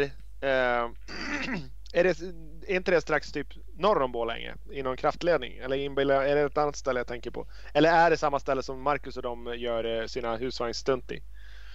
Mm, det är samma ställe. Det är samma ställe, alright. Ja, för då, Yes. jag, jag var dit en natt med Emil när vi åkte enduro från Säter. Ah, okej. Ja, Oj. just det. Så att eh, jag, jag, jag har sett det i mörkret. Ja, okej, så du bor i närheten av det alltså? Hoppade du då? Ja. Nej, vi hoppar inte då.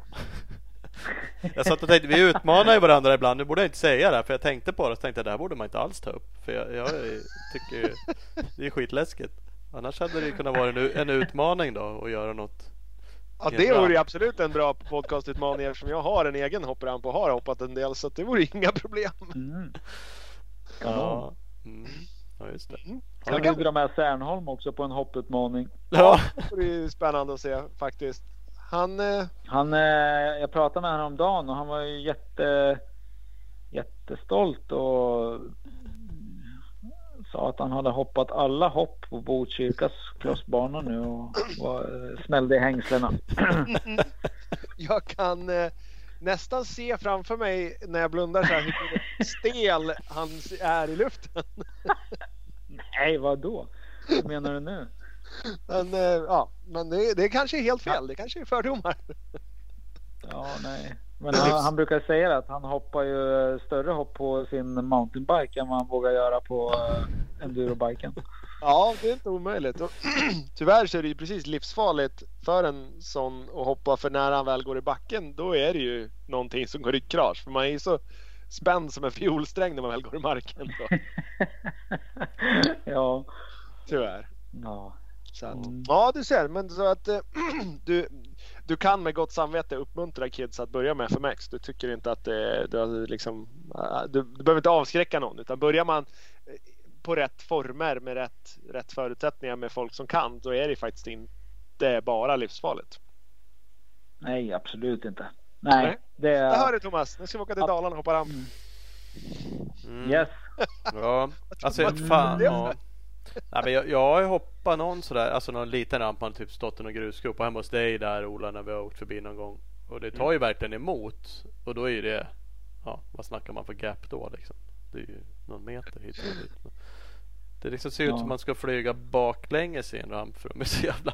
Men jag, däremot så borde jag ju kunna liksom. Vad fan jag tyck, tyckte i och för sig jag blir sämre på att hoppa på en crossbana också nu för tiden. Börjar bli gammal och kör för lite men eh, någon form av feeling kan jag ju tycka att jag har. Men, men visst, det finns en spärr. Det finns ju en spärr i vilket dubbellopp som helst på en crossbana också. Och det här handlar det om.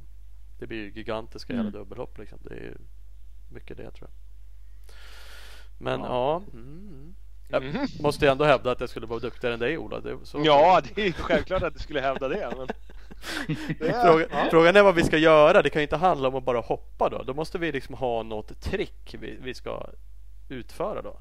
Är det bedömning här nu? Eller är Mm. Ja, det bara den det som låter vågar göra det? Det kanske är en Vi, hel... Ja, Dubois får väl smälla upp det på sin Youtube-kanal tänker jag. Ja, precis. Ha en omröstning där bara. Ja, Ja, det ser- det ser. Ja vi får fila på det där. Fre- Fredrik här får väl vara eh, domare och eh, coach. Mm. Absolut. Ja. Nej, ja, nej, men på något sätt kul. Det är alltid kul med nya grejer så att det skulle ju vara någonting nytt. Så att det är väl klart, det ska man inte. In i helvete nytt. Helvete nytt. Så är det. ja. Mm. Vad heter det? Vi var inne lite på enduro, att du hade en endurohoj. Vi har fått några lyssnarfrågor Mm. från Instagram och lite sådär. Vi fick faktiskt en som var eh, När åker du Kåsan? Ja, eh, kanske aldrig tänker jag då. Ligger nära, nära till hands. Det verkar ju svinjobbigt. Eh, korrekt. nu är du, eh, i, i alla fall om man kollar på Instagram så ser du ju äckligt vältränad ut. Eh, nu, nu vet ju vi som åker hoj att det är viss skillnad att vara tränad för en Kåsa och eh, eh, ja, tränad för något annat. Men, men ändå, Ja. du, det känns ju som att du är i ganska god form. Så du borde ju onekligen kunna åka lite bike och säkerligen kunna genomföra det. Säkert göra det jättebra dessutom. Men, men jag förstår vad du menar med att det är jobbigt. Ja, ja men det är såklart att det är ju inte synonymt med att vara, kunna köra länge på hoj och ja, vara fit liksom eller vältränad. Det, det är ju åk, åk eh, kondition och det märkte jag ju nu när jag började köra hoj igen. Alltså börja köra hoj, inte bara hoppa. När jag skaffade endurobiken här när jag har varit runt på banorna här. Eh, men jag känner också att åkkonditionen kommer ganska fort. Så det blir ju roligare och roligare att köra hela, för varje gång nu. Mm. Så det, men det fanns inte mycket där i början. ja, det är så. Och det finns, det finns alltså ingen Kåsa-plan? Det kan, det kan vara aldrig Nej. bara. Det är ingen. Nej. Kåsaplan, alltså jag... Nej. Just nu är jag en riktig humör och väderåkare. Då är gåsan dålig också. ja, det, det, det lirar inte riktigt där med det. Det är, det är sällan bra väder hela Kåsan och man är sällan på gott humör hela Kåsan. Så att, eh, nej, jag, jag eh, köper Ja. vad du säger. Eh, Mm. Emil Berggren eh, skrev in en fråga om man ska whippa som, eh, som Vicky eller som Emil skrev han. Jag vet inte om det är Ja, Golden han menar vi- eller? Jo, det är ju det. Vi har en liten grej. eh, Hashtag whip it like Vicky brukar alltid skriva när han lägger upp någon whip där. Men, eh, men jag tänker så här eftersom Emil vill kunna vippa som Vicky så måste det ju bli att man vill vippa som Vicky då. Ja, ja, jag fattar. Jag fattar. Får se om Emil fattar. Om man har någon kommentar på det. ja, han, fattar nog också tror jag. Garanterat. Ja. Nej, men han är grym. Emil är grym och snabb. Bra på att whippa och riktigt snabb. Mm. Men det är, det, är, det är inget mera, vad heter det, no relation där eftersom ni har samma efternamn. Nej, Nej. det är det inte. Det är bara, det är bara namnet som är lika. Vad jag vet. Mm. Jajamän. Uh, vad har vi mer då Thomas? Ja, men vi har, nu känns det som vi bara kastar in det i slutet, men, men det behöver inte jag. Men det var en lyssnarfråga också och det är ju ganska snabbt eh, googling och research också. Lyssnarfrågan var eh, hur länge har du varit troende kristen? Eh, Mm. och, och det kommer man ju ändå fram till att eh, du är om man eh, kollar lite. Du har varit med en del, ja, lite podcast kring det. Ja. Ja, du är ju uppenbarligen helt öppen med det, så det är inget konstigt i sig. Nej, är det är tre år nu? Ja. Ja. Jag, jag kollar på några klipp. Du pratar om det där. Mm. Alltså det, jag vet, ja, jag är ju... Fan, det känns som jag nästlar in mig i någonting här. Men det, det, det, jag är ändå så här så att jag, jag tycker liksom... Jag kan ibland säga att jag tycker det finns en väldigt harmoni i det. Och, och jag kan känna ibland så att Ja. jag, jag, jag kanske är rätt nära det. Det finns någonting där i mig med religion Mm. överlag. Eller tänket liksom det här med ja, men just det harmoniska i det och, och se ja, men någon mer glädje i saker och ting. Vilket är som det känns som att man gör och känns på dig också det man sa när du pratar om det. Liksom. Ja. Nej men absolut. Det, ja det, har- det har ju förvandlat mitt liv totalt. Och, alltså på insidan. Så. Eh, och jag, jag vet inte. Jag, jag pratar mycket om det i ja, med de här intervjuerna och poddarna. Att jag har alltid växt upp med en känsla av att inte duga som jag är. Utan man måste hela tiden prestera och vara någon för att vara någon. Eftersom om man inte gör någonting för att vara någon så är man ju ingen och man duger liksom inte som man är. Det var min känsla. Och eh, om ens värde hela tiden kommer från prestationer och vad andra människor tycker och tänker om dig då ligger ditt egna värde i händerna på andra människor. Så om du ska få en bra dag hänger på hur andra människor behandlar dig eller vad de säger om dig. Och det blir ju ett väldigt skört sätt att leva och ditt mående kan ju påverkas något enormt av yttre omständigheter. Men om ditt värde kommer från en orubblig källa som är oföränderlig som eh, ditt värde kommer från som är oberoende av yttre omständigheter så blir det en, eh, en tryggare och stabilare plats att leva på. Men sen är det ju otroligt viktigt också att se till om det verkar vara sannolikt så man inte tror på någon, någon humbug eller låtsas pryl utan man får ju för mig var det viktigt då om det är sannolikt att det är så.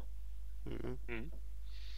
Mm. Kan, kan man vara light eh, religiös? Eller är det liksom fånigt att säga det? Att man, eh, så kan jag återigen känna mig själv. Så att jag, liksom, jag, jag skulle kanske redan gör det i och för sig. Så att man anammar vissa saker. Eller jag, kan ju gilla kyrkor. Så att man är inne i. Det är inte så ofta. Men där Mm. det finns liksom, ja, men det här är ju behagligt liksom. Det finns ju en behaglig känsla i liksom, som en del religioner har. Där, men, ja, men det finns ett liv efter. Liksom, någon sån här trygghet i att tänka så. Eh, och så, så kan jag känna om vissa Mm. saker och ting. Men jag är ju inte ja, jag kan inte kalla mig själv troende, absolut inte. Liksom. Så jag bara går ju verkligen och flummar kring någonting. Kanske bara utnyttjar religionen. Eller religionen. Godbitarna, plocka bara. ja, men precis liksom. Och sen, Ja. Nej, men det finns ju många. Alltså alla, alla tror på någonting. Även de som in, absolut inte tror på att det finns en gud har ju en tro.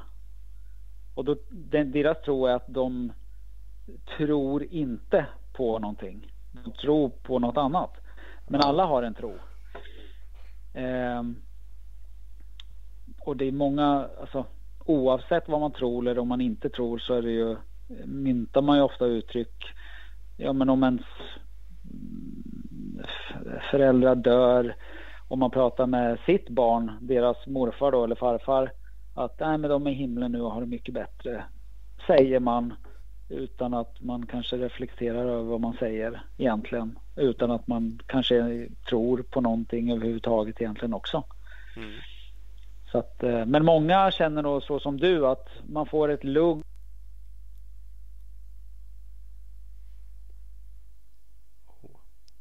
Nu försvann du igen. Ifall du hör oss så ska vi se om du Yes.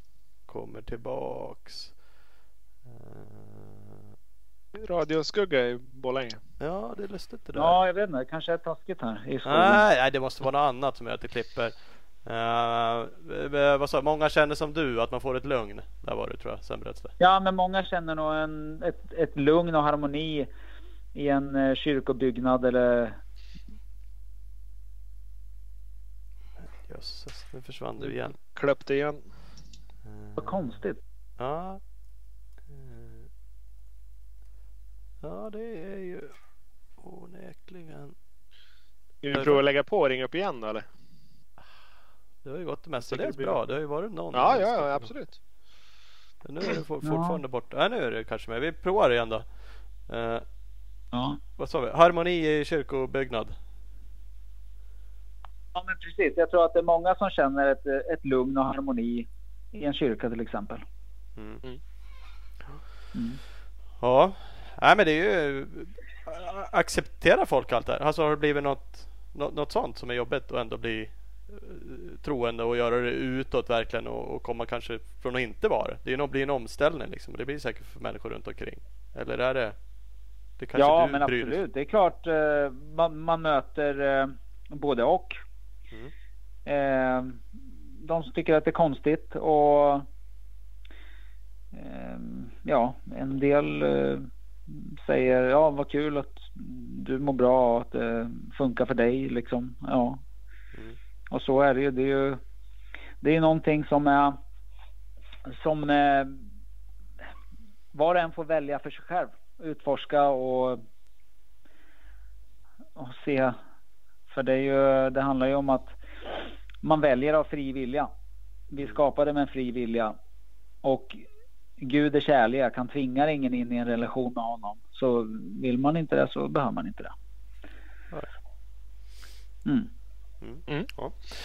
Nej, det, det är intressant det där och som sagt. Ja, jo, men det är en. Eller jag tycker det. Jag ska inte säga att alla tycker det. Men eh, det finns ju något i det. Nej, men det är stora frågor. Mm. Ja men det är det ju verkligen. Och jag känner inte Mm. dig överhuvudtaget så jag, jag vet ju egentligen inte eh, så. Men det, det är roligt att följa dig. Du, eh, Ola sa ju för million dollar smile och det har du ju visserligen och verkar ju så otroligt glad och levnadsglad. Uh, vilket du Mm. kanske var innan också, säger inte det. Men det är roligt att följa. Din, din Instagram exempelvis är det ganska mycket följare. Där kan man ju följa dig. Men det, det, det är kul. Ja. Oavsett religion eller inte. Så, Mm. Men du känns liksom ja, glad, levnadsglad och det är härligt bara överlag. Ja. Ja. Ja, vad kul att höra. Ja, ja verkligen. Mm. Så vi borde styra upp det. Jag säger ju ibland jag och Ola sådär bara ändå. Fast vi borde bjuda in oss själva till lite åkningar. Och det kan man ju se ibland när ni är ute och åker. Så nu känner man ju spontant att man borde bjuda in sig själv till Jocke. och vara med och dra lite Ja, bike. men absolut. Ja, Eller något annat det bra tycker jag. tillfälle. Eh, Men det får vi, väl, Absolut. får vi se om det lyckas till helgen eller ta det framöver. Ja. ja, ni är välkomna till Dalarna. Här finns det mycket fin åkning. Eller så styr vi upp något med Särnholm och Jocke och så hittar vi på något kul. Mm, mm. Absolut. Det tycker jag vi ska göra. Får, får väl se om det blir någon, Mm. någon hopputmaning också. Men det, det Mm, ja, det är med. Sp- Det är med. Spara lite på det. Mm, precis. Ja. Ja men vad härligt. Hörru, det var kul att, att prata FMX. Du är väl den första va Ola, alltså, som är med och pratar så här mycket freestyle motocross? Ja, det, Fredde var, Flair var ju med och det var ju mest, eh, eller ja, det var ju blandat. Han eh, har ju haft en längre crosskarriär ehm, och så, Mm. så det var, var ju mer blandat. Men eh, vi har ju pratat om, om en dig och Bodin och jag har pratat med Marcus om att vara med också så att ehm, det kanske blir någon, någon FMX-sida av det här nu ett tag. Precis. Ja, precis. när, när nästa nappar som vill vara med. Ja, ja. får väl vi Grymt, får grymt kul att du ville vara med. Mm. ja, tack för att jag fick vara med. Ja, Ja, inga konstigheter. Jättekul. så Mm. eh, hörs väl. Ses väl förhoppningsvis, för, förhoppningsvis det. Det har vi inte gjort hittills säga. men, men någon gång ska det vara den första. Då. Så det får bli nu efter det här. Åka Ja. lite bike någonstans. Absolut. Jag är på. Låter bra, låter bra. Vi kör på det. Hörs vi av. Mm. Bra. Tusen tack grabbar. Ja, Tack tack så du ha. Det. Hej hej. Ha det bra. Hej då. Tja.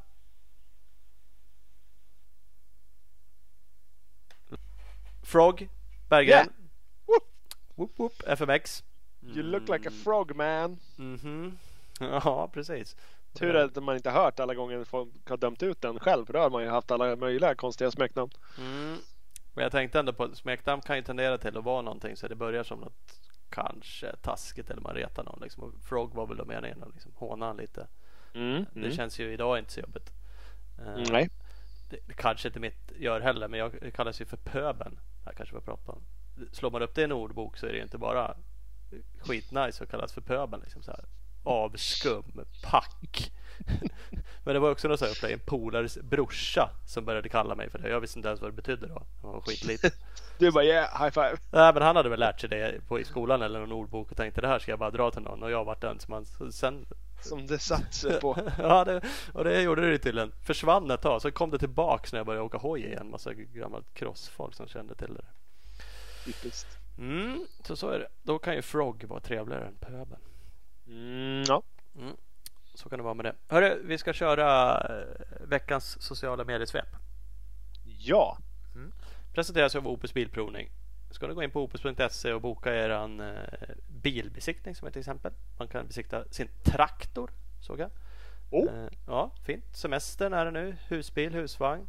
Gör vi tester, gasoltryck, tester, you name it. Allting fixar de. Opus.se. Eh, annars tänker jag, ska du börja då? Jag tror jag börjar sist. Ja, ja, det tycker jag. Du får börja nu. Yes. Eh, jag har en eh, ett uh, Insta-klipp som blev rätt stort eh, för ett tag sedan. Det, blev, det, det var många som delade vidare så här. Brotocross var det som jag såg det på. Eh, en snubbe som jag eh, typ har missat namnet på också. Han hoppar över en å och så laddar han upp för en eh, grusbacke. Så, ja, men, påminner lite om något så här som vi åkte Battle of Vikings-backarna i kalkbrottet där. Men ändå inte. Vi hoppade fan inte över en å De skulle ha tagit bort de här träbroarna de byggde. Då hade det Ja. kunnat vara Typ. Ja. Nej, sjukt eh, coolt. Bra ladd som satan. Han överhoppar ju dessutom så det ser ut som det tar tvärstopp typ när han landar. stumt in i uppfören och sen bara bra, skicka på uppför. Ja, ja, det är coolt. Bra ladd, helt klart. Mm, verkligen, verkligen. Uh, ska jag fortsätta? Ja, kör allihopa. Sen har vi, apropå You look like a frog, eh, brap.lover. Där har de ställt ut en eh, Husky 450 med, ser ut som en El Hombre bike. Med, som står på en fjäder och sen så får man sitta på den där och så får man på sig ett par VR-goggles och så får man eh, typ köra några crossspel eller någonting. Och den gubben som håller på att bryta runt på det här. Det värsta är att det är så- ungefär så jag känner ibland att jag ser ut när jag kör cross. Alltså det är magiskt. Han har ju antagligen aldrig kört cross för då skulle man inte göra Nej. på det där sättet. Han har ju liksom bara varit där på en supercross-tävling och liksom i, i hans huvud är det ju sådär. eh, Ja, han ser Ja. helt enkelt ut som Jason Anderson när han bryter runt där med VR-brillorna på och bara ut med benet och bara går i fullständigt bananas. Ja, och ingen känsla för någon feeling överhuvudtaget. Det lutar sig åt fel håll och nej, det ser bara fullständigt Det står ju någon bredvid där och bara äh, försöker liksom fånga upp honom så han inte ska ramla av. att ja. Nej, det är värsta att ibland känner jag att mm, man kanske ser ut sådär ändå. Ja, jag vet. Ja, men det är ju sådär. Det är ju som att se sig själv när man åker och så tycker man oh, där var ju fan ändå rätt nice. Där liksom veka ner lite någon hopp eller la in någon kurva så råkar man, får man ett filmklipp på det sen. Man bara, mm. Nej, men film är ju det sämsta. Ett, ett steket kort det kan man lyckas steka av. Men det är, ja, filmklipp det är ju sämre. Mm. Verkligen, verkligen. Men ja, Faktiskt. det var, bra ladd på den gubben också då. Kan. Mm, helt klart. Och sen så, så det, det var lite det som var mitt tema. Sen hittade jag ett klipp från Harry Bink, freestyle-kille som eh, han smällde helt enkelt av en backflip på en eh, inte alldeles oansenligt liten eh, streetbike. Nej men det är något Café Racer Street han bara Mm. smäller av en.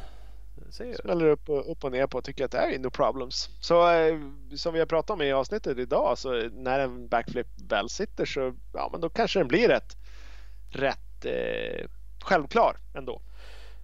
Alltså, Ja. han hoppar väl den i en foam på inte där men han hade ju satt Mm, landningen ser ju bra ut. Han gör väl till och med någon seat grab, gör han inte det? Skitsamma, det ser liksom cleant ut som fan på en hoj som väger och är jävligt mycket mer otymplig än en crosshoj. Och bara fjädringen måste ju vara ett eh, mirakel. Skrapa i, skrapa i rörna, ramen i botten på ramen först innan man går upp. Så. Ja. Mm, nej, det var också bra ladd, helt klart. ja, men det är det. Men som sagt, kommer komma upp på våran eh, Facebookgrupp och förhoppningsvis på Instagramen också. Det, det som är på Insta i alla fall. Kan vi Mm. dela vidare. ja, vi försöker göra det. Så kommentera gärna om ni har någon egen åsikt om det vi pratar om. Om ni tycker att det är Yes. kul klipp eller att vi tycker fel om dem. Absolut. Och apropå Instagram så har vi ett eh, Club MX Star podcast-konto nu. Ja, precis. Det Eh, kan man följa. Det kan man följa. Kan vi se vad det blir av det. Men det är i alla fall kul att ha ett Absolut. dedikerat för The Pod. Eh, jag har ju också några av dem. Jag har ju ett konto som är, är rätt så stort. Motocross Real understreck som jag la in också. Vilket är lite Mm. men det är på Instagram. Eh, där finns ett klipp som jag tror är från runt 27 april och det är från Supercrossen. Vi har ju pratat en del om Supercross-grejer. Eh, det här är ju Det är tyvärr det enda som händer nästan.